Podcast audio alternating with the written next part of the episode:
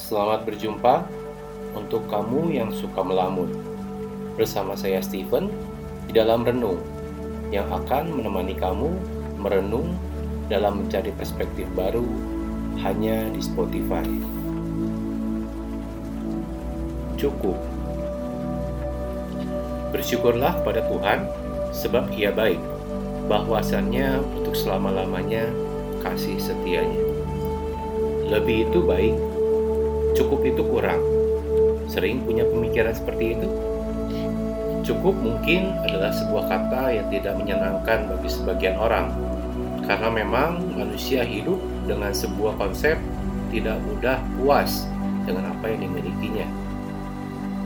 Tetapi tahukah teman-teman, terkadang konsep tidak mudah puas ini membawa pengaruh kurang baik di dalam kehidupan kita. Bahkan, sering kali berakibat buruk untuk kehidupan kita. Contoh mudahnya seperti ini. Saya adalah orang yang sangat suka makan. Karena suka makan ini, saya memiliki badan yang sedikit gemuk. Istri saya sering memperingatkan saya supaya tidak terlalu banyak makan. Jujur, terkadang ketika mendapatkan peringatan itu, respon saya tidak benar dengan langsung memarahi istri saya dan berkata, "Saya nggak mau ya diatur-atur masalah makanan." Dan lalu istri saya mengerti dan memilih dia Tahukah teman-teman, jikalau akibat dari respon yang tidak benar itu, baru saya merasakannya beberapa tahun kemudian. Saya menjadi overweight, bahkan ada dalam suatu ketika di mana ketika saya berdiri, saya tidak bisa melihat kaki saya sendiri.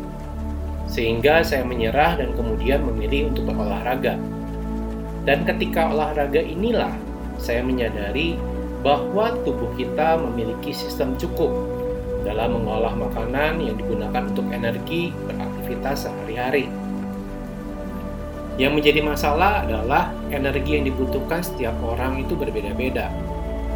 Seseorang yang pekerjaannya hanya duduk saja seperti saya setiap harinya, pasti membutuhkan energi yang tidak sebanyak seseorang yang bekerja sebagai pekerja bangunan yang memerlukan energi banyak untuk membangun sebuah bangunan yang tentu berakibat dengan perbedaan kata cukup antara saya dan pekerja bangunan tadi.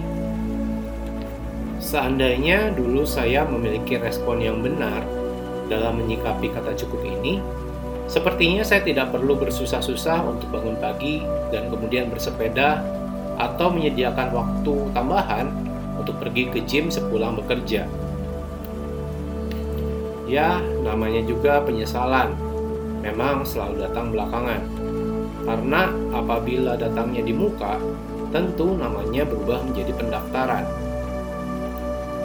Kembali kepada kata cukup ini.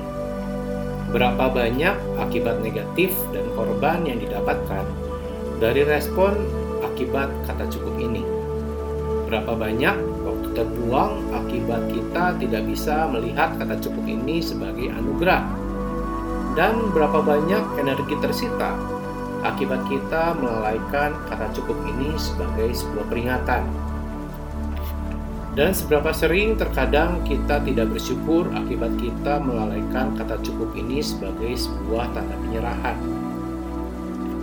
Karena terkadang kata cukup ini membuat kita merefleksikan kalimat tadi, di mana kita harus bersyukur pada Tuhan karena Dia baik karena bahwasannya untuk selama-lamanya kasih setianya. Tentu tidak semua kata cukup ini berakibat positif dalam kehidupan kita. Seperti berhubungan dengan Sang Pencipta, tentu tidak memiliki kata cukup. Atau ketika kita memiliki telinga yang selalu terbuka untuk mendengarkan, jangan sampai juga hal ini memiliki kata cukup. Mari sama-sama kita merenungkan kebaikan Sang Pencipta yang selalu ada setiap harinya dan menyadari penyediaannya yang cukup untuk kita setiap hari. Mari merenungkan respon akan kata cukup ini yang akan menyertai kehidupan kita sampai akhirnya nanti. Karena bagi saya, kata cukup ini bukan hanya sekedar cukup berarti, tetapi sangat berarti di dalam kehidupan kita. Kembali lagi, Tergantung bagaimana kita meresponi kata cukup ini. Akankah kita meresponi kata cukup ini dengan respon yang salah dan memuaskan ketidakpuasan kita? Atau kita mau meresponinya dengan merefleksikan kalimat tadi, dengan bersyukur pada Tuhan karena kebaikannya. Senin, 21 September tahun 2020.